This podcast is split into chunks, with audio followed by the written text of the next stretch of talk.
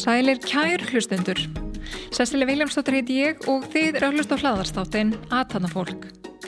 Í þættinum í dag teki við til við Ara Fenger, forstjóra 1912 og formann viðskiptaráðs. 1912 er aldagömur hildsala og fjölskyldufyrirtæki sem hérna Aðtanna Olsen og var jú stopnað árið 1912. Fyrirtæki er eitt af stærstu fyrirtæku landsins í hildsölu með dagvöru og veldur um 11 miljardum íslenskar króna. 1912 er móðurfélag Nathan Olsen sem sinnir heilsulu á sviði snirti og dagvöru. Egrunnar sem selur aðfung til stóreldhúsa og matalæðinarins og MSIs ískerannar. En Ari er fættur árið 1980 og er alveg upp í næsunu. Hann gekk í Verslónskólan og byrjaði síðan að vinna sem vörumerkjastjóri hjá Nathan Olsen og síðan sem forstjóri fyrirtækisins þángu til hann tók við sem forstjóri rekstra fyrirtækisins 1912. Ari er einni formaður viðskiptarás og er jáfnframt eitt starsta hlutaf í stóðum einu starsta fjárfestingafélaga landsins. Í dag fóðum við heyra sögu Ara. Sæl Ari og verðu hjartala velkomin í þáttinn. Takk hjá það, takk fyrir að fá mig. Um, segðu mér nú, hvað ertu alveg upp og hvernig voru svona æsku ára hjá þér? Heyrðu já, ég er alveg upp á Seldjarnösinu og hérna, já, bara fættist og, og uppalinn þar. Uh, sko ég, já, nesari bara fram að þá getur ég á 20 ára. Ég gekk í Mýrarskóla og, og svo Valsskóla og maður að segja svona kannski uppvextur hjá mig var rosalega mikið svona íþrótta uh, mennska. Og ég má að segja að ég átti bara heima í íþróttasunu Ingi Húsverður, hann sá vel um mig og, og hérna passaði upp á mig. Og hérna hann er að eh, það er svona einnkendi mín svona fyrstu ár, menn ég var í fimmlegum handbólta, fóbólta og það var bara allt sem var hægt, var bara bóðið upp á í gróttu, það stundaði ég og tók þátt bara öllum æfingum þannig að það var svona sem einnkendi mitt líf svona fyrstu árin. Vel gert og, og hérna vartu lengi framann að æfa íþróttir? Já, ég endaði svo, ég þurfti að velja eitthvað og, og hætti hún í fimmleikum svona 12 ára aldur, það var aðalút að ég var í sundból, ég man alltaf þegar ég var 12 ára það, það var eitthvað sem hendaði mér ekki mjög vel þegar ég komist á úlingsaldurinn en hérna, uh, svo, svo leytist út í handbóltan, það var svona valið og ég spilaði með fram alveg upp í, upp í meistara og, og, og meistarlokk og hætti þá þannig að svona Já, maður segja svona íþróttir svona, og svona keppnis íþróttir, það er svona verið svolítið, svolítið ég og svona það er kemur bakgrunin sem svona hefur, já, ég tel að það hjálpa mjög mikið inn í, bara inn í lífið svo. Mm. Hvaða stöðu spilaður í handbóltunum? Ég spilaði miðjuna og já, var leikstjórnandi. Leikstjórnandi, já. það er kannski bara uppskrittið af, af því sem síðan kom, setna. Já, máli, örgulega að segja það, það er eitthvað rauk fyrir því, sko. En hérna, já, þannig að þetta var svona, þú veist, þetta var svona, eh, ég myndi segja, ég myndi einnkjörna fyrstu, fyrstu árin á nesunu, sko, og skóla eh, ganga mín, hún var nú, já, ég með gegn alveg ákveðlega í skóla, en einhvern veginn litist mér alltaf, það er einhvern veginn bara þannig að hérna, mér fannst einhvern veginn ekki, ekki mjög gaman í skóla þó að námi eh, átti nú alveg ágætlega, lág alveg ágætlega fyrir mér en, en hérna, en mér lág alltaf rosalega mikið brá að, svona, að vinna og ég var rosalega upptekinn af því og hérna og maður, ég fekk fyrstu vinna mína sko hérna 13 ára og hérna og hótið sögu og þetta var hjartasmál hjá mér, ég fór í aðtunni viðtal og veist, að tala dönsku ég man ekki í dönsku en ég einhvern veginn náði samt að fá vinnuna.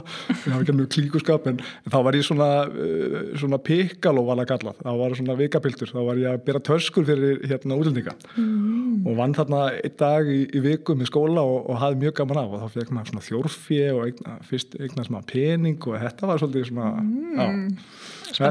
þetta átti mjög vel við mig sko. Já. og og svo kannski má kannski líka segja að hérna svona í tengslu kannski við þetta og, og, og kannski svona lita þess mín hérna uppvakstar ár að hérna með alltaf eftir að, að Björg sýsti mín hún, hún fekk að fara í, í, til Dammörkur eftir uh, nýjunda tíndabæk í svona sömarskóla eitthvað, svona íþrótta, íþróttaskóla eitthvað og, og ég átt að miðbauðst það líka og mér datt nú ekki í hug og ég var að fara í skóla þegar loksins var komið sumafrí þannig að hérna, þannig ég vildi bara fara að vinna, það var svona aðmáli og komast ellendis og mamma og pappi laðið mikið upp úr því, ég myndi fara ellendis og kynast ykkur öðrum, svona, já, öðrum kúltúr. Þannig að upp, uh, út af því var það nú að ég fór á hestabúkar í, í bandargan, þess að 14 ára gammal eftir nýjöndabökk mm -hmm. og hérna var þar endanum með að, að, að hérna, var þar hérna, hjá Íslandski fjölskyttu sem var að, að sjá um hesta fyrir Amerikana, Dan Slott heitir hann og, og, hérna, og ég bjóð hjá Kristjánu og Jónu.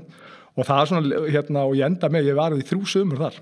Mm -hmm. og hérna og með þess að eitt vetur fór hérna beint eftir Tínabæk og var í hæskúl í, í Bandragan og, og hérna þessi ár, kannski að segja, svona marka mig svolítið líka, því að maður fullarnist svolítið, svolítið hratt og var alltaf mjög unguð því ég fór út og hérna og það er svona markað með mjög, mjög mikið nátt því að maður tók maður þátt í öðrum já, kynntist maður bara hvernig er að búi í bandaríkjánum og hlustu að öðruvísi umræður og þannig að það var mjög mm. áhagast mm. Það er það svona að opna sjöldildar ringin Já, gerð það, alveg, alveg klálega En hérna, ertu mikið herstamæður í dag eftir þetta? Ég er nefnilega, ég er engin herstamæður og þess að var þarna í þrjú sumur og einn vetur og ég fór aldrei á hersbæk en ég móka þess að ég fekk að vinna við það að móka stíunar að, hérna, alltaf um sömatíman og, og hérna, um helgar hérna þegar ég var í skólanum og þetta voru svona 60 stíur sem tók mér svona fjóra klukkutíma þannig að ég er, ég er, ég er þaul vanur að móka þannig að Greinilega. En hérna, og það var, það var bara gaman að kynast þessu og öllum bara störunum á búkarnum sko. Mm -hmm. Akkurat. En uh, síðan leikur leiðin í Verðlunarskólan. Já hinn eina sanna. Já. og hérna, hvernig voru áriðin þar? Já, bara mjög skemmtilegt, það var gaman að Veslu og mikið af vinnum mínum í dag kom um í þaðan. Og það er svona kynnismað, ég kynnis með konunum minn nú bara strax eftir þrjár vikur í skólanum. Og, og hérna, það, það var nú mjög góð kynni strax. Og Nefnum ég hafði gaman að, að Veslu en það er samt svolítið svona sam og ég var nefna á að var þetta með grunnskóla að hérna, ég kannski laði nú ekki allt og mikið á mig, svona þau fög sem ég höfði áhuga á, það, það gekk mjög vel, en ég bara hérna, Vestló árin eru bara mjög góð minning í mínum huga, sko mm -hmm. og var mjög góður undirbúningu bara fyrir, eh, fyrir bara allt það sem framönda var, sko, maður fær svo góði yfir sín yfir svo margt og, og hérna, og það er bara það sem ég hafði áhuga á, ég hafði strax mikið áhuga á viðskiptum og hérna bæði bara svona út frá mínu heimili og umræðinu við, við hérna, mataborðið. Og þannig að það er svona já, hérna, og það var svona fólk með samskonar hérna, áhugamáli í, í Vestló sem að kynntist. Mm -hmm. Þú hefur vantala komist snemma í kynni við rekstur og uppbyggingu fyrirtækja en það alveg upp í fjölskyldu fyrirtæki e, Var þetta mikið rætt við mataborðið og, og varstu tekinn snemma inn í reksturinn? Já, má segja það. Og ég, hérna, og ég hafði líka bara svo mikið áhuga á viðskiptum og bara strax frá unga aldri. Og, og það var mikið alltaf rætt og, og maður svona kannski ómeðvitað vissi maður kannski meira það síast meira inn heldur að maður að segja á sko, þannig að ég kunni mun meira um til dæmis heilsölur heldur ég á nokkur tíma eh, gert, hérna, gert mig grein fyrir þegar ég byrjaði en hérna og svo var það bara svo gott að, að hérna eins og faði minn heitin að, að hérna ég spurði mjög mikið og hann gaf sér bara tíma til að útskýra fyrir mér hlutina og, og segja mig til og, og svo framvis og, og líka einhvern veginn að bara lefa mér að reyka mig á sko. Þannig að hérna ég til dæmis uh, kefti íbúð til dæmis mjög ungur. Ég heyrði eitthvað að það væri sniðut að kaupa íbúð og leiði út og fekk þess að frábæra hugmynd. Ég held ég að átján ára gammal og og ég, hérna, ég marði að rætta þetta við fólkdra mín að þeir var þetta bara frábær hugmynd. Að, hérna, sem ég áttu kannski ekki alveg vona á sko. Mm. og þá var svona bara meira reynda leiðbyrni manni hvernig maður ætti að tala við bankan og hvernig maður ætti að undirbúa sig. Og mér finnst þetta svona, þegar maður horfið tilbaka skipt svo miklu máli, það var ekki sko að viðtökurna hefur ekki verið hvað hva vilt þú upp að dekk skilur? Þetta, þetta er bara galið, heldur meira svona ok bara, við skulum bara skoða þetta saman. Og hérna, og svo reynda bara að steyðja við mig sko í að leiðbæra mig hvernig ég ætta að bera með og láta mig einmitt fara og tala við banka sjálfur og fara ekki um allt ferlið. Og þetta voru þetta í staðar ef að eða eitthvað þurftu eitthvað aðstóð en, en þetta held ég að hafi skipt mjög miklu máli. Allan mm -hmm. ég ætla að reyna að tilinga mér mínum börnum líka. Mm -hmm. Þannig lærum maður akkurat best. En eftir Verslunarskólan, hvað lág hugðin þá?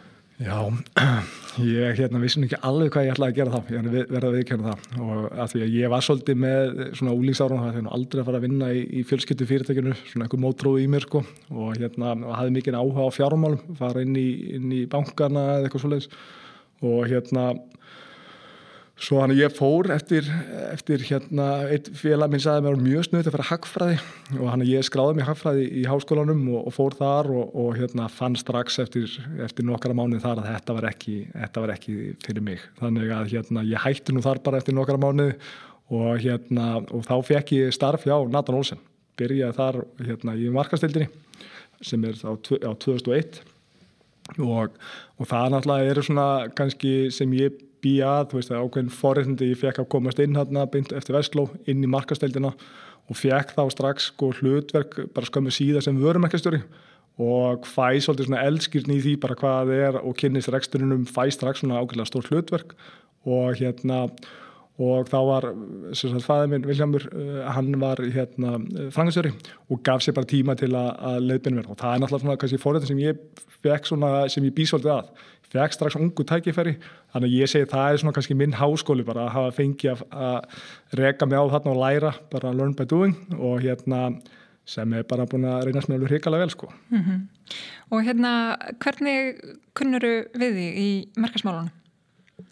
Það var nú eiginlega bara leiðið í byrjaði. Þá einhvern veginn bara sá ég, heyrði, þetta er bara hrikalega gaman sko. Og hérna og, og bara vinna með alltfjörluðum byrgjum og alltfjörluðum vörumerki og, og, og allar þessar pælingar og hvernig smásölumarkaðan virkar á Íslandi og allt þetta, þetta ég hafi gríðarlega mikinn hérna uh, bara áhugað strax. Og ég er alltaf búin að vinna á sömbrinn líka hjá fyrirtekinu, þannig ég, ég kunni nú eitt og annað og búin að kynast fyrirtekinu á markan hátt og var búin að starfa vel í öllum deildum má segja, þú veist, ég var búin að vera á lagarnum ég var búin að vera í sölunni, ég var búin að vera í pökkun.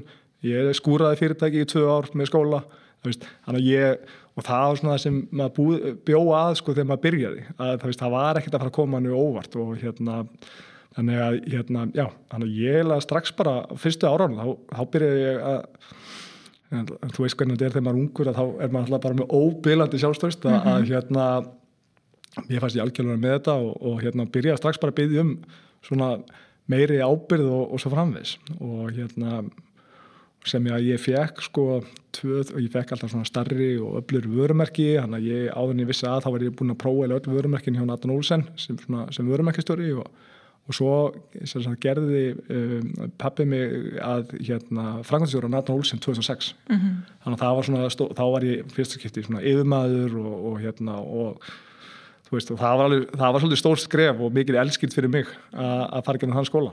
Ég trú því. Eh, 1912 fyrirtækið eh, heitir það í dag en áður var það Nathan Olsson eh, sem er náttúrulega mjög gammal fyrirtæki og er akkurat stopnað ári 1912 af þínum forfæðurum. Eh, getur sagt okkur aðeins frá sögu fyrirtækisins? Já. Sko, þannig að ég útskýra aðeins kannski, sko, í dag er, sagt, við erum með rekstrafélag sem heitir, rekstrar og, eignhalsfélag sem heitir 1912 sem á, sem sagt, Nathan Olsen sem er svona eins og heil, heilsalan eins og flesti þekkja. Og svo erum við með Egruna sem er að selja inn í stórældús og svo eigum við líka Emmesis, þannig að það er svona þessi þrjú dóttufélag sem við erum með og reykjum það bara sem samstæðu.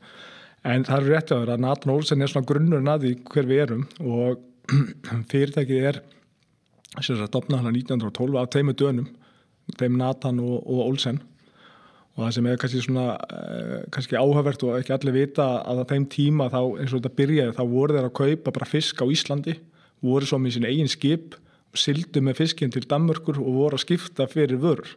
Og svo komið vörun til Íslands og þessum árum hérna þá voru þið bara með vöruhús á Ísafyrði og Agurir og Seyðisfyrði og, og Reykjavík svo bara sildur ringir í ringu landið og voru að skipta þessum, þessum vörum og svo fór þið bara aftur út. Og, og langjaði minn, John Fenger hann var að gera sambarlega hluti og, hérna, og, sa, og þeir ákveði voru með skristofu hlifið hlið í Reykjavík í Egil Jakobsson húsinu og hérna þeir ákveða hérna að bara saminast og það gerist 1914 þannig að maður segja að fjölskylda mín hefur verið samu ofinn fyrirtækinu núna í já, 108 ár. Og og þetta er svona kannski svona áhugaverð saga sko að hérna að þetta stinga niður nokkuð nok, nok, staðar. En, en hérna kannski áhugaverð að við byggjum Össistræti 16 sem er hérna aðeins niður í gödunni þegar eftir hérna brunan mikla og, þá er það sem er apotekir í dag veitikastæðurinn mm -hmm. Nathan Olsen byggir það hús og gríðala stórt og, og fallit hús og, og það er gert að hluta til vegna þess að, að landsbankin eh, húsi þeirra brann Þannig að landsbókinn fjármagnaði húsið með það og fekk vilir í leðina að þeir mætti fá að nota neðstu hæðina með að vera að byggja þeirra höfustöður upp á nýtt og þess vegna er húsið nú að þessari starðagraðum. Og, og svo myndi ég alltaf segja með það sem ég veist, þegar maður skoðaði svona söguna og kannski ekki margir íslendika vita en eftir, sko í setni heimstöldinni að þá, þá loka sér satt Ísland af fyrir Evrópu. Og þá er mikið af, af heilsölum sem voru hérna vanur að fá vöru frá Európu í, í vandraðum og þá fyrst aðeins minn Hilmar Fenger, uh, ungur árum hann flytur þá til Manhattan og er þar í, í þó nokkur ár að bara að leita að vörum til að geta sendt heim til, til Íslandika að við ætlum voru svolítið háður í að fá matvöru annar staða frá. Og, hérna, og á þessum árum eru mörg af þessum ellendu eða mikið af þessum amerísku vörumarkin fundin. Og til dæmis eins og Seriósið og, og, og, og Pilsbury og fleira fannst einmitt á þessum árum.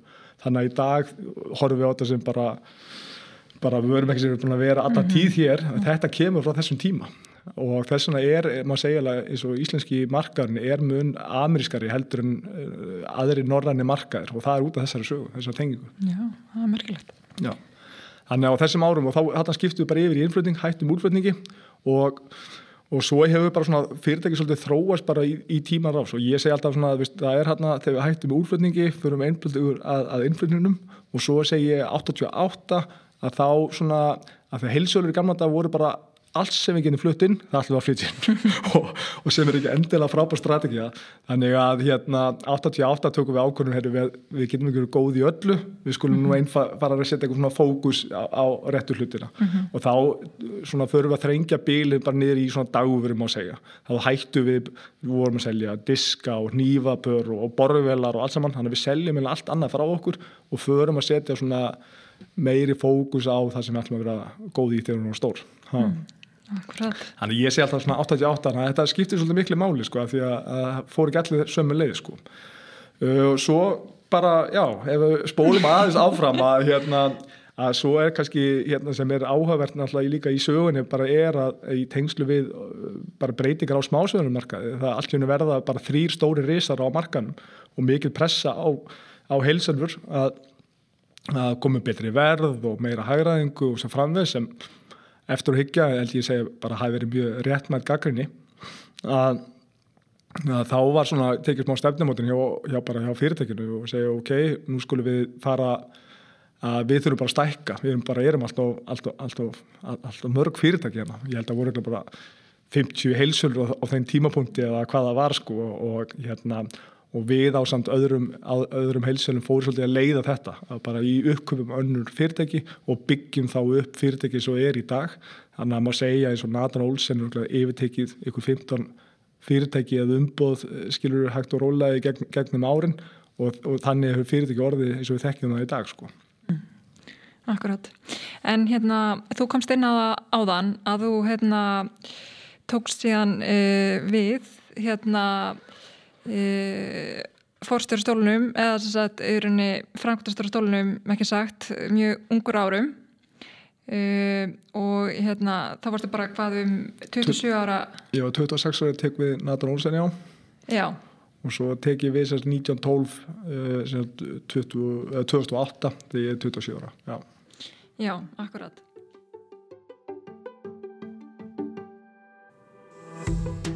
Ég ger hér stuttli á þættunum til að segja ykkur frá okkar frábæru kostunadalum.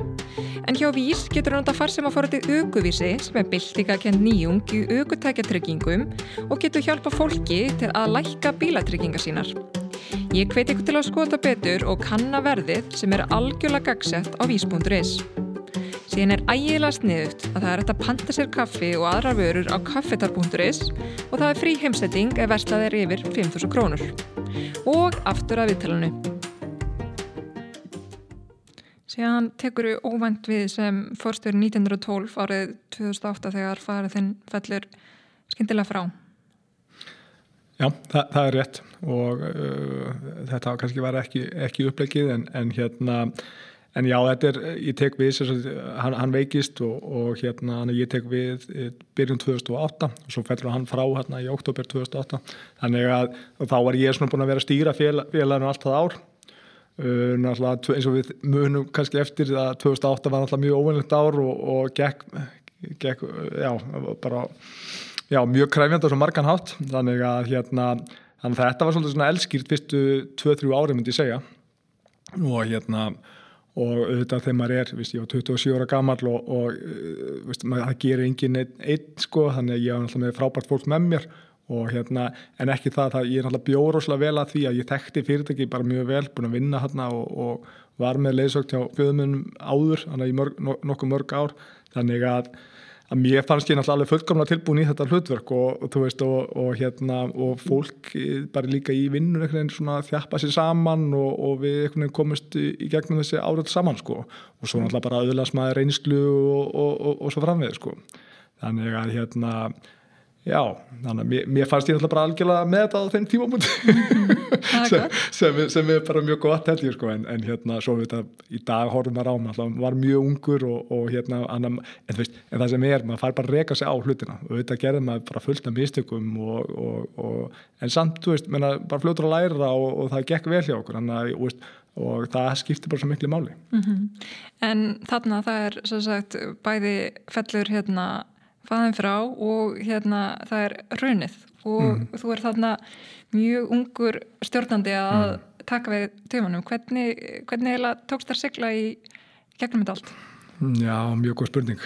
Ég, hérna, ég verður að viðkjana það. Þessi, þessi tímar hérna er alltaf, sko, pappi degir 21. oktober 2008, mm. bara í miðju hrunni. Þannig að, en þú veist, það var bara þannig að ég mætti bara í vinnuna og strax dægin eftir og, og, og hérna og það var ekkert annað annað í bóði heldur en bara að halda áfram. Og ég fekk svolítið bara kraft í að innbeta mér að þessu. Bara ég er að sinna fyrirtækinu ég þarf að, veist, fyrir mér er fyrirtæki miklu meiri heldur bara eitthvað fyrirtæki veist, þetta er bara svona, já þetta er okkar saga og veist, þetta er svona í pappa og svona. Þannig að Þannig að ég var bara rosalega svona fókusur á það og svo fekk ég náttúrulega frábæran stuðning líka bara frá fólkinu í húsinu og konunum minni og fjölskyttu og svo framvis og þetta svona bara, ég heldi mig svolítið bara í þetta næstu, já, bara tvö árun þar á eftir sko. Mm -hmm. Þetta átti mér bara hugminn allan sko. Mm -hmm. Hvernig kom síðan 1912 út úr huninu? Hvað var það klast við á þessum tíma? Já, við sagt, til, til að bæta gráðan og svarta þá vorum við sagt, hérna, uh, vorum við með Ellen Lán nýbúin að byggja húsnaði þannig að hérna, við vorum bara sko, í fyrsta skipti vorum við bara í pínu vandram vorum bara í neikvæðu EIFI og það var svona eitt og annað sem, sem gekk á hana hjá okkur. En það sem kannski bjargaði okkur sem, sem, sem fyrirtæki er að, að reksturinn gekk mjög vel og hérna, þó að þó að hérna, efnaðsreitningunum hefði ekki verið fallur okkur á þessum tífambúndi að þá var sjóðstælmi mjög stærst og, og hérna að það sem gerist er þegar svona hrun verður að Íslendingar hættur náttúrulega að ferðast og fóru að kaupa meira hérna og hættur út að borða á svo framvegs og fóru að kaupa meira í búðanum þannig að áriðin þarna eftir voru nokkuð góð hjá okkur. Þannig að ég vil lendum aldrei að vandra með að borga afborgunum með einu svoleiðis. Þannig að hættur róla bara unnu við okkur svolítið út úr þessari þröngu stöðu og hérna og voru bara með mjög heilbritt eh, bara félag í höndunum og bankinn eh, bara hérna, stóð mjög vel á bak, bak við okkur á þenn tíma og, og veist, við vorum bara í nánu sambandi við þá og annað þannig að maður segja við, að á með eh, tíma bara snýru við hlutunum bara við hjá okkur sko mm. En þegar þú tekur hérna við og siglir náttúrulega í gegnum þannig mikla Olgusjó, mm. varstu með e, svona einhverja nýja sín í rauninni hvernig þú vildi gera hlutina? Eða, eða varstu svona mikið að framfylgja kannski bara í rauninni þessari sín í rauninni fjölskyldnar og hérna fjöðins eða Nei, ég, ég nefnilega, ég má alveg segja sko að ég ákvæmum bara strax að ég er, ég og eins mikið og ég, hérna, ég og pappi voru nánir og annan, þá er ég samt allt öðruvísildur hann. Og ég var ekkert aldrei upptíkin að því að reyna að vera eh, nákvæmlega eins og hann eða svolítið, þannig ég hef alltaf bara reynað og hef reynda að halda í það áfram að bara vera alltaf maður sjálfur sko, það, heitir svo flók ég hef bara ekki tíma. Hana, en nei, hana, ég kom bara með svolítið mínar, uh, mínar áherslur inn á sínum tíma og svona kannski fyrsta sem ég gerði ég reið inn mannustjóra mér varst að hérna, við vorum ekki með mannustjóra á þeim tímapunkti og, og hérna, ég, ég, ég gerði það. Og eins líka fannst mér mikilvægt að pappi var svona kannski meira á gamla skólunum í, í, í þeim skilningi að var svona öllu upplýsingagjöf og svona hvernig gekk og svona þetta var nú bara fyrir okkur. Við erum ekkert að tala um þetta og, og svo framvegs sem er gott og gild en, en sérstaklega bara þarna þegar það voru allir hættir, það voru allir hættir bara um hvort þið hafið vinnu og hvernig fyrirtæki og hvort það myndi standa af sér og svo framvegs þannig að ég ákvað strax bara að breyta þessu. Þannig að hérna bara í mitt hana í 2008 að loka ása þá byrjaði ég bara að halda upplýsingafundi og var bara að kalla alla saman í mötunendið og til að byrja með það var ég bara með svona fundi á tveggjarnar fresti. Það sem ég var að segja, svona er staðan í okkur þetta er að ganga vel, þetta er við erum að vinnað og það hjálpa mér alveg gríðarlega mikið að ná öllum hópnum bara saman og, hérna, og vinna okkur út úr þessu. Og það er svona, ég vil segja að þetta var kannski svona það fyrsta sem, við, kannski, sem ég breytti strax bara svona kúltúrlega séð. Og hérna svo í dag náttúrulega bara eh, þetta er svo allt öðru sér félag menna þarna eru við ja, 2008 kannski við erum að velta 3,5 miljardi uh, erum kannski 60 starfsmenn. en í dag náttúrulega er svo, svo margt búið að breytast við erum að velta um 11 miljardum dag og 150 og, og þannig að maður er náttúrulega bara svo búið að þróskast með félaginu búin að, veistu, í dag erum við með frangatastjórn og ferlar mun betri og stefnur og svo framvið sem kannski var ekki alveg þarna þessum, þess, þessum tíma sko. Mm -hmm. En þegar þarna ári akkurat áður þarna 2007 í, í svona uppsveiflinni miklu í rauninni réttur hraun að þá akkurat setjið upp í rauninni þannan struktúr sem þú komst að, að áðan og, og breyti félaginu í rauninni þannig að það var þarna rækstafélag sem held á utanum þessi e, þrjú dótturfjölu í dag e, þannig að e, af hverju ákveða að fara þessa leið á, á þessum tíma? Sko, við, við gerðum það reyndar aðeins fyrir en það, það beiti því ekki en hugsin hjá okkur er svolítið bara að okkur fannst mjög mikilvægt að vera með svolítið svona skíuna fókus og erum svolítið ennþá svolítið upptíkin í því. Að Nathan Olsen sem er heilsala sem við körnum þetta markansfyrirtæki, ekki heilsölu uh, meðan að Egan er svona þjónustifyrirtæki og okkur fannst mikilvægt að ekki vera að blanda þessu saman, að vera með svona bara í sér fjölum og, og hérna átt okkur bara betur á rekstarlega að séð svona hvar við getum hvar við þurfum að einbjöta okkur að og, og hverju við þurfum að breyta og svo framvegs þannig að við erum svona frekar ekstra þengjandi uh, og, og til að ná samleginu með þessu ólíku fyrirtækjum og það byggum við, við til þetta rekstrafélag fyrir ofan. Þannig að maður segja að allt það sem við getum nýtt sko sameilega er undir 1912 þannig að eins og í dag að þá er öll sko, fjármálastjórn í 1912 Eh, starfsmenni vörúsi, dreifingu, eh, mannesmál, eh, upplýsingatekni og svo framvegis, gæðamálinu og annað. Þannig að sko, og svo í dóttufélagum eru þá með sölu og, og markarsfólk. Þannig að, og þar náum við ágöðinu þó að félagin svo ólík, en þar náum við samt þessar stærðarhagkanni sem við erum alltaf að leita eftir. Það var svona upphæla pælingin. Mm. Og svona auðvildar er kannski á hérna sama tíma eins og þú við kannski komum á eftir að að hérna auka vöxt fyrirtækisins með ytri vexti og, og jafnvel þá fjárfesta í fleiri fyrirtækjum á, á ykkar sviði eh, bara, bara klálega og það er svolítið gaman að því að veist, með þennan struktúr og þá voru við að bæta við okkur. Þá var alltaf Nathan Olsen eða Egrans sem var að ta kaupa og, og taka inn. En eins og MSI sé kannski fyrstu kaupin. Þar sem við gerum bara út á að við kaupum bara heilt fyrirtæki, bætum þriðið stóðinu við. Og við erum með að gera það því að við erum bara með svona, hvað er þetta, uppsett afl eða í 1912 til að takast á við, við ennþá meira að verkefnum sko. Við erum búin að, bú, við erum búin að fjárfesta mjög mikið í, í alls konar ferlum og stefnum og annars að við getum bara heimfars og yfir og MSI ef við tökum það, það inn hjá okkur. Þannig að það var svona svolítið skemmtileg verkefni. Talandi um MSIs, hvað kom til að þið kæftuð meira hluta þar? Já, þetta kom bara inn á bort til okkar og okkar fannst þetta svona eh, áhægt fyrirtæki, áhægt vörumerki. Eh, þetta er flott vörumerki eitthvað sem flest bara allir íslendingar þekkja 60 ára sögu. Við höfum verið að selja þeim, hann að við þekktum aðeins til þeirra og líka hafi verið í samstarfi með þeim.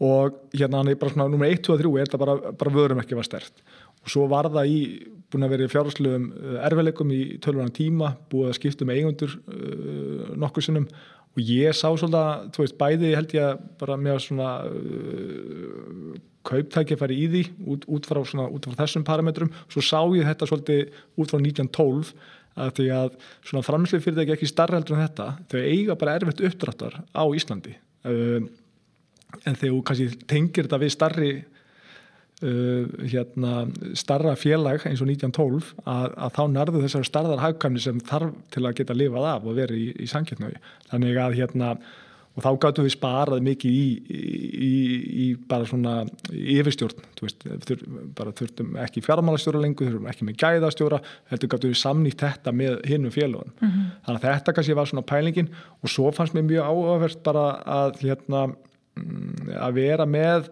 fristu veru dreifingu bara í alla búðir á Íslandi. Það er rosalega mikið sko, virði í því.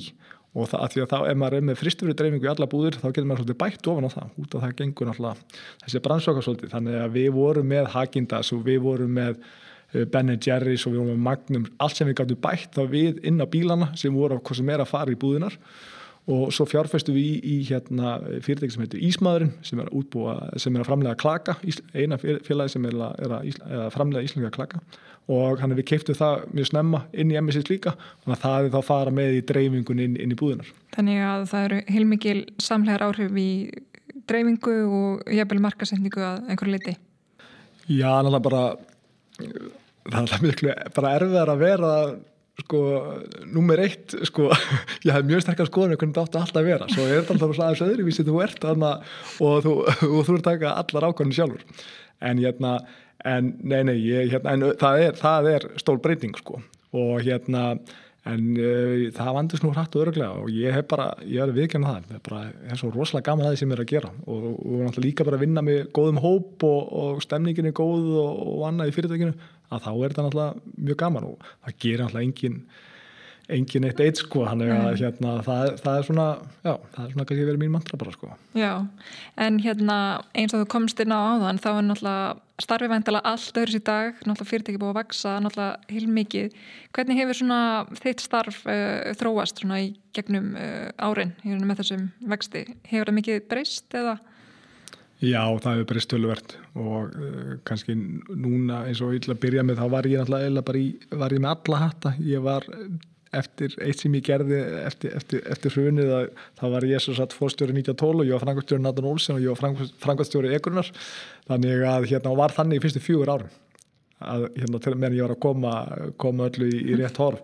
Þannig að það var nóg að gera. Þannig að sko uh, en, en sko í dag þá er ég, er ég með frangvastjóra í, í öllum félagunum þannig að meira svona kannski er að reyna að finna rétta bara svona setja stefnuna og vera með rétta fólki með mér í, í, í verkefnunum og, og meira svona, já, það breytast mjög mikið hlutverkið, það er meira svona hérna, að bregðast við þegar einhver stór vandamál kom upp sko. Mm, mm. Akkurat, greiðilega mikið breyst en, en uh, það er náttúrulega sérstatt fyrirtæki í rauninni fyrir það að, að, að hérna, eins og komst á söguna á þann og, og hérna þetta er náttúrulega svona fjölskyldu fyrirtæki og orðið í rauninni mjög stort Uh, en, en er eiginlega fullu í ykkar eigu, eigu í raun fjölskyldunar. Hvað er svona sem svona greinir ykkur frá svona öðrum uh, fyrirtækjum í þessum bransa eða sem hafa verið í þessum bransa? Já, ég, ég sko, það er alltaf mörg fjölskyldu fyrirtæki sko í, í helsöruðbransanum, þannig að það, það sé sagt, en, en það sem ég alltaf sagt alltaf er að tala út frá okkur svona það hefur verið þessi skýra stefna uh, hvert við, við erum að fara og hérna og svo höfum við verið með svona möndrur að, að hérna við ráðum ekki fjölskyldum eðlum niður vini og það hefur reynst okkur nokkuð vel. Og hérna og bara alltaf reynd að vera með rosalega hæft fólk með okkur í öll, öllu stöðum, ekki það að fjölskyldan getur ekki verið hæf langt í frá en hérna, en bara við séum uh, við það sé enginn að fá vinnu bara því að hann er í fjölskyldunum, það er svona kannski verið eins og við höfum hugsað þetta og það hefur reynst okkur vel. Svo hef ég líka uh, mikla skoðan á því að eins og kemur inn á að þröngt eignarhald er rosalega mikilvægt þegar svona uh, þegar maður kemur að fjölskyldufyrirtökjum og eins og í dag þá er það, erum við þrýr eigendunir, ég, sýstiminn og, og móður stafir að vera kannski með mun fleiri hlutafa sem eru kannski ekki starfand inn í með aðrar önnu sjónamið, ákvörndakar seinari og svo framvegs og þetta getur oft bara reyns mjög flókið og mikið svona tímafrækt þannig að með að við í dag að, að þá getur maður svolítið bara einbæðið sér aðeins ekstrinum og allar ákvörndakur þá er það bara eitt símdal eða tvö sko. Og mm -hmm. hérna og það gerir bara bara lífið minn skemmtilegra og, áraugusuríkara myndi ég segja sko. Já, svona einfaldari ákvæmlega taka í raun. Já, og við höfum líka alltaf bara að passa að, og, og það er svona verið svolítið okkar viðhorfa að reyka fyrirtæki, bara mikið metna fyrir að reyka fyrirtæki eh, sko hérna bara alvöru rekstur, ekkit að vera að blanda saman einhverju fjölskyttumálum og reksturinnum og þannig að þá getum við líka gert bara meiri kröfur á allt og alla mm -hmm. og mhm. það er svona verið okkar, okkar mantra sko. Mm -hmm. En þetta eru kannski svona helstu kostir þess að vera með fjölskyldufyrirtæki en hvað eru svona helstu kallanir? Sko já, ég veit, þetta er nú sko, góð spurning sko, en, en hérna ég sé nú enga galla við það að því að ég, ég sko, ég er náttúrulega upplýtt ekkert eins og sé fjölskyldu fyrir, ég er, ég er rosa stolt ræðis fjölskyldu fyrirtæki, en ég dagst dagla það er ég bara með skemmtilega og hæfu fólki með mér í vinnunni og er mhm. ekkert að velta mér upp úr því, mhm. þannig að hérna og svo er ég og sýstimið saman í stjórn og við erum eitt svona, við erum Óttar Pálsson er stjórnaforma hjá okkur, lagfæraðingur og hérna svona, þetta settum við bara gengið mjög vel og sem betur fyrir á, á ég og sýsti mín mjög góð samband þannig að, hérna, þannig að það verð ekki verið mm. neitt veseninga til sko.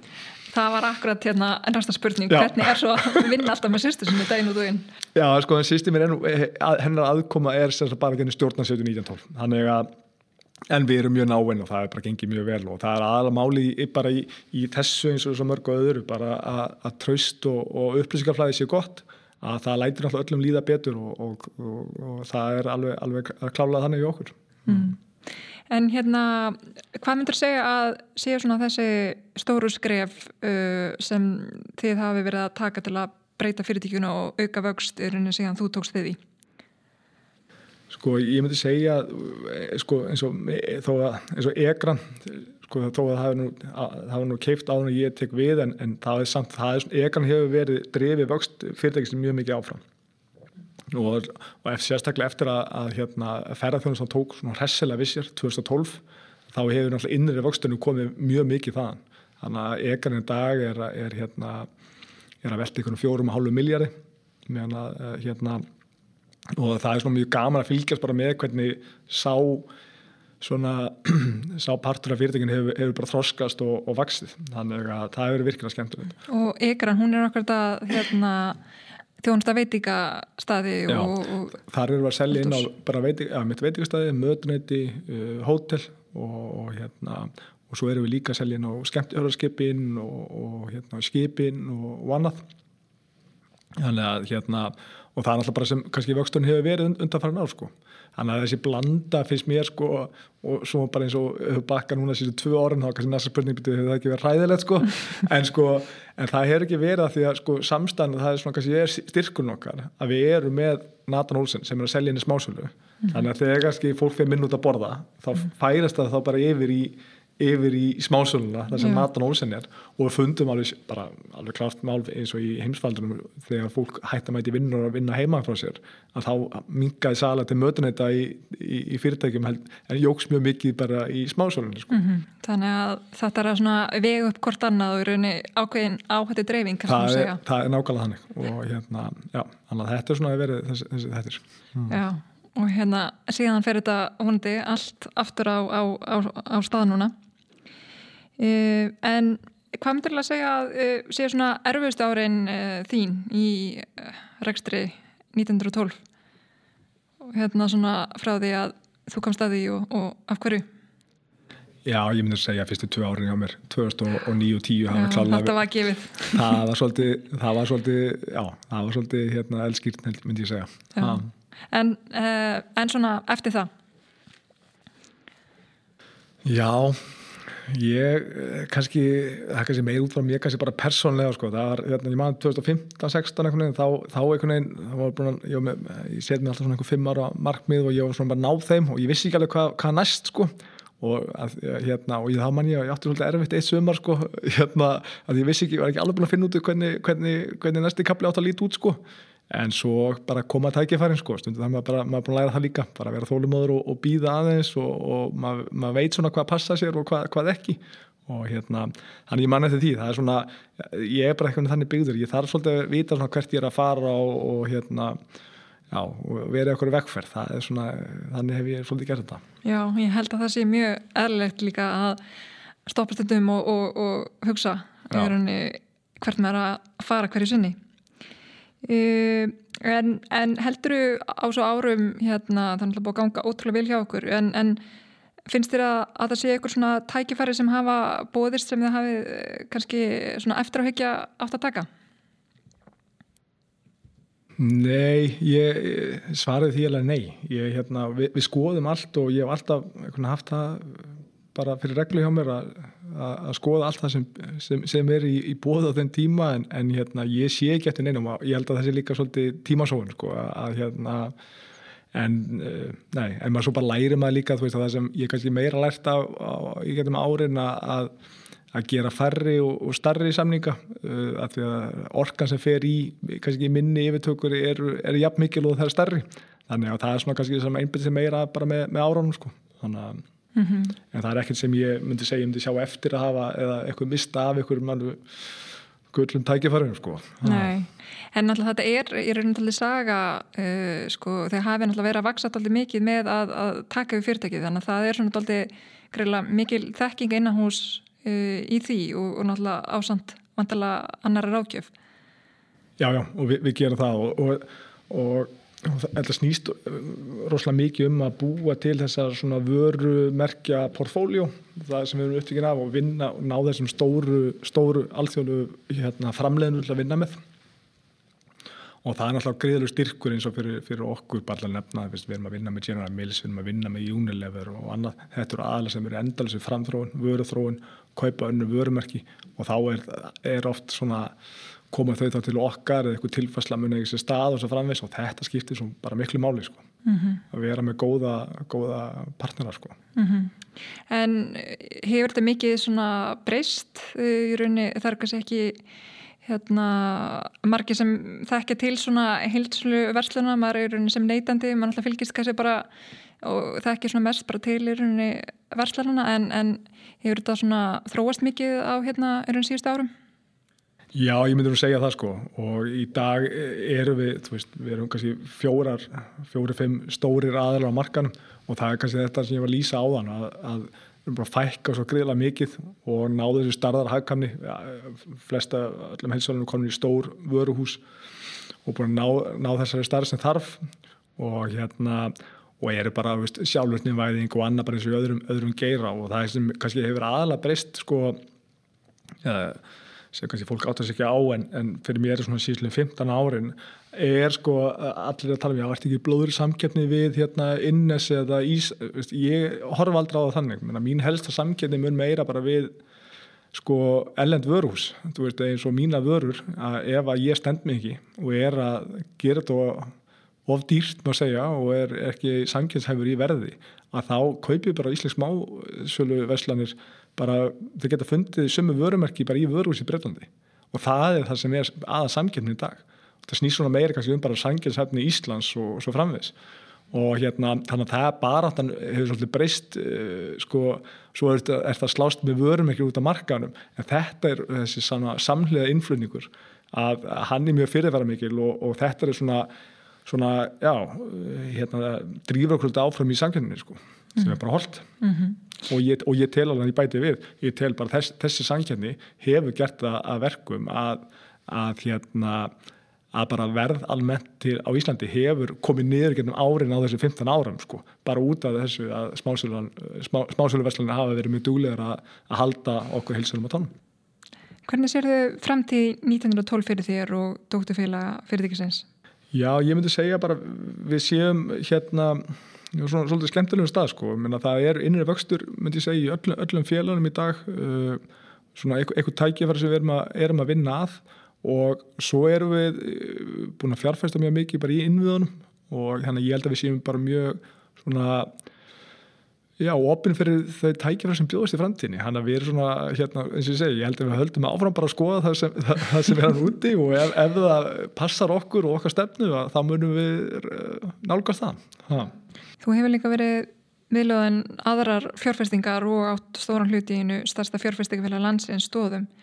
Getur það sagt okkur hvernig það kom til? Já, hérna það má alveg segja að svona kannski 2012-13 að þá uh, sko við, við fjölskyttan svona kannski vorum aðeins að horfa á að að nefnilega í hruninu þá var, var alltaf eignur okkar í heilsulunni og það var svona hérna búið eins og ég segi upp og lýsa búið að vera fjárfæsta mjög mikið í öðrum fjölugum og annað þannig að þar allur fókus hefði farið á það. Þannig að eitt af svona kannski sem við lærðum kannski úr, úr hruninu er að að við ættum að kannski dreifa á þetta aðeins meira. Auk þess var að kannski fjárfæstika tækifæri sem í, í heilsöluðu okkar geira er, þau, þau, þau eru takmarkandi.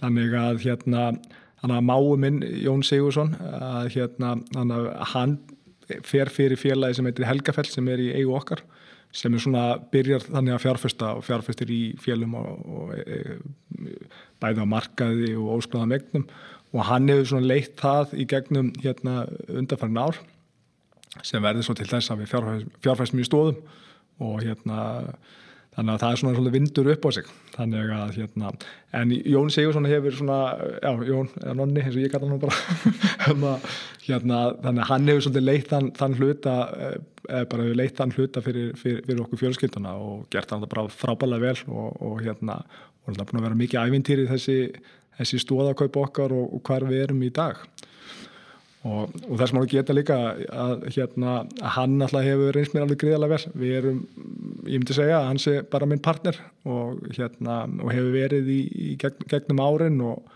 og það er alveg gríðalega sko, verm, mikil verðmætt í því að vera með góðan partner með sér í öllu. Og tala ekki um einhvern aðli sem sko maður tristir 100% og hérna og hefur samilega hagsmunni sko. Þannig að hérna og það skiptir bara rosa miklu máli og fyrir þetta það er bara miklu skemmtilega sko. Stóður eru einmitt virki fjárfestar í Símanum, Arjón, Kvíku og Blálónu og öðru. Þannig að það má segja að það séð alltaf með augun opinn þarna og hjá 1912 einnig Já, fjárfæstingarstefna stóða er svo samæla við vorum, sko, eins og við vorum bara þegar nálgust helgafell og byrjum að fjárfæsta og, og það er og það er náttúrulega helgast kannski að því að Jón er í fósfæri fyrir bæði félög en þetta er náttúrulega svolítið þannig að, að velja sér bara farri en stærri verkefni og vera með sko, mikla aðkomi að félögun og reyna að hafa þau áhrif við, það sem við fjárfæstum og það er svona verið okkar nálgun og og eins líka við erum frekar konservativir í, í okkar fjárfæstingum þar að segja ég, eh, kannski, og þá er ég meina út af því að, að við erum ekki að skuldsetja okkur, við erum aldrei gert það. Þannig að við erum að, að gera allt fyrir, fyrir eigi fjö og, og, hérna, og uh, þannig að, að hérna, þannig að þannig höfum við svona og kannski með svona langtíma hagsmunni að leðlusu, okkur liggur ekkert á. Við, við erum hérna og það er svona verið kannski okkar motto í þessum fjárfæstingum að við erum ungir og, og hérna okkur liggur ekkert á og sígandi lukka er svona það, það besta sko. Og, og ég held að það sé bara nokkuð gott sko, þannig að það virka hinga til. Mm -hmm. En hérna þú ert greinlega með puttan í ímsu út af því að þú ert líka formaður uh, viðskiptarás og hérna ert núna nýkosinn í annarskiptið til að mikið með það Takk hjá uh, Hvað er hérna og náttúrulega líka sast í ráðin á, á, á undan en svona hvað, hvað kom til að þú ákast að hérna, gefa kostaður? Já, hérna ég fæði þessar spurningum mjög oft að því að hérna sko ástæðanir var nú eiginlega það að mér bauðst þetta tækifæri og hérna ég hafa leitað timminn og eins og fólk segir það alltaf. en hérna það var nú gert og, og mér fannst nú, nú bara annarkvært sko, því er ekkert að rífa að kæfta eitthvað heima eða skrifstofun eða eitthvað flöst, nú er bara tækifæri til þess að stíga fram og, og hérna og taka af keflinu og, og hérna og ég þekkti á það ágætað til starfsins sem var mjög og er mjög áhugavert. Þannig að ég ákvæmna svolítið bara að taka slægin mm. sem var Já, ég get náttúrulega sagt það bara svona, svona aðeins fyrir út fyrir mitt komfortzón að vera viðkennast. Ég er svolítið alveg upp þannig að, hérna, að fjölskylda var svolítið að láta ekki á sig bér og engi viðtöl og allt þetta. Þannig að svo er ég bara skrif podcast hér þér í dag. Já, já. En, hérna, en ég segi líka veist, það er bara svona, kannski, líka bara breytti tímar að, hérna, að maður alltaf vilja líka bara fá besta fólki til sín í vinnu til dæmis og annað og hefur ekkert með vikstarað að gera að þá þarf maður líka aðeins að láta vita af sér og fyrir hvað maður stendur. En, en sko viðskiptrað eh, fannst mér bara mjög skemmtilegt og, og hérna og það er frábært fólk sem er að, er að vinna þar og, og, og hérna og eins líka með, með mér í stjórn. Þannig að þetta var svona bara, bara, bara gott challenge fyrir mig sko. Mm. Já, reyna að hafa eitthvað, eitthvað áhrif og líka bara kynnast aðlíðun út frá öðru af því að það sem maður gerir oft á tíðum að maður er svolítið bara í sínum geira. Og svo þegar ég kom fyrst inn í viðskiptar þá bara já, herðu, það eru bara aðri fórstjóra með bara svipar áhugir, bara kemur öðru sér við þá og svo framvegis. Og það er svolítið áhugavert líka bara að kynnast og ég hef bara það mikið áhuga á íslensku viðskiptalifi og svo gaman að kynnast bara öðrum sjónahotnum og hlusta hvað aðrir er að glíma við og svo framvegis mm -hmm. og endanum er þetta óla oft svipa sko þó að fólk sé að gera allt allt annað. Mm -hmm. og svona fá í raun þessa heldar sín Akkurat. En hvað tilur að svona séu mestu tækjafarinn og svo áskorunar uh, fyrir svona íslenskt viðskiptalíf? Já, mjög stór spurning. Mjög stór spurning sko. Hérna, nei sko, mestu kannski áskorunar, það myndi ég kannski segja bara ákveð þessi missirinn en nú bara alltaf reksturinn gangandi og það er náttúrulega búin að vera bara sem að vera ári náttúrulega mjög sérstakki tímar. Bæði út frá bara fólki starfsmenni í sókví eða einangrun og svo framvis og svo hefur veðri líka verið leika okkur grátt. Þannig að það er svona kannski númer, númer, númer eitt, bara alltaf öllu, öllu gangandi. Uh, Svo kannski má segja nummið uh, tvö að, að bara svona kostnæðarhækkanir, uh, gríðalög kostnæðarhækkanir í gangi, bæði bara ráverðshækkanir, flutninskostnæðar verið í þravala og að hækka töluvert og svo má ég gleyma líka bara að launahækkanir undanfyrir ár og núna launakostnæðar að hækka í, í janúar og, og hafvæðstraukinn að koma í mæ og þú veist þannig að allt þetta þarf að líka að ná, ná utanum og, og hérna það bæti svo ofan á. Og svo vil ég líka nefna kannski hérna kannski svona sem ég hef haft smá áhyggjur af það kannski með svona mannuðurinn að hérna að sko það er búið verið verið tvö ár í ykkur heimsfaraldri, fólk er bara að vinna heima hjá sér og annað og maður það er bara komið rosalega mikið þreita í fólk. Mm. og ég finn þetta alveg eins og vinnuvinnust og ég heyri það er á, á fleiri. Og ég skilða bara fullkomlega. Þannig ég held bara svona fyrir stjórnendur er svolítið bara að reyna að halda í besta fólki sitt, ég held að það sé verður reyfingar af fólki næstu komandi mánuðum. Þannig ég held að það er að hlúa gríðarlega vel af bara starffólkinu almennt séð og svo held ég líka að sé verði ákveði mönnuna vandamál uh, í tengslu við það, það sem ég koma eftir það sem tækifærum líka er að við hérna, þegar ferðarþjónustan tekur vissir sem ég á vona á að muni gera, gerast þessi ári að þá held ég við séum bara ekki með nógu mikið af, af bara starffólki til, a, til að manna alltaf þær stöður Þannig að þetta eru svona kannski stóru áskorunar mm -hmm. og svo náttúrulega eru kjaramáli næsta haust. Já, akkurat. En var það tækifærin að þá finnst mér mjög, þú veist, þegar við komum út úr þessu núna, það hefur verið aflétt af fullu og það er gríðilega mikilvægt að stjórnvöld aflétti líka á landamærunum sem gerir svo undir hratt og örgla núna á næstu dögum. Og náttúrulega mikil tækifæri í að koma að ferða þjónustur á lappinu aftur. Við vorum með 700.000 mann sem kom hérna í fyrra og, og spárir eru að segja 1,5 miljón uh, ferðamanna í ár. Ef það myndi raungerast það myndi skipta gríðilega miklu máli bara fyrir bara íslenskt efnaðislíf og, og, hérna, og fyrirtækinu landinu. Mm. þannig að þetta er ég, veist, ég er, ég er nú björnsinn að eðlisfari og ég er, er það að bara við erum að koma okkur út af þessu og þá við erum sko það, það er fullt tilöfnin til þess að vera björnsinn en kannski eina sem ég óttast að við sem að með heima tilbúin sko, flækjur að við sem ekki að, að koma ykkur vandraði með ykkur kjara samlingsmálum eða, eða verkverðlum og svo framvis þannig að við erum bara að passa upp á það. Mm, Akkurat, ekki nóg að þú sért í viðskiptar á þig og síðan fórstöri 1912 og annað þá ætla ég að spyrja þig hvað gerir svona maður eins og þú þegar, þegar þú ert ekki vinna? Sko Já, ég, hérna uh, ég er já, ég er bara, ég er náttúrulega mikið ég fyrir ræktina alltaf fimm sinni viku, það er nú komið fram ekstra áður og, og svo er ég bara mikið með fjölskyttu minn og reyna að nota tíma vel og hérna ég, ég er á skýði, skýðum og ég, ég er að veiða og það vantar ekki áhamála, það er svona meira vandamála að koma þessu öllu fyrir sko. En veist, og svo er einhvern veginn bara að vinna þannig að, að hún er bara eitthvað alltaf með mér. Þannig að ég er bara dugluður að, að taka bara stittri en, en kannski fleiri frí, ég reyna að gera þannig. Taka lengja, kannski frekar helganar og annað. En svo bara hef ég gaman þess að ég horfa eitthvað aldrei á það ég sé að fara í vinnuna bein sko. Þetta þetta er bara mitt líf og ég þekk ekkert annað sko En ef við horfum svona yfir þessa uppbyggingasögu hverju ertu stoltastur af?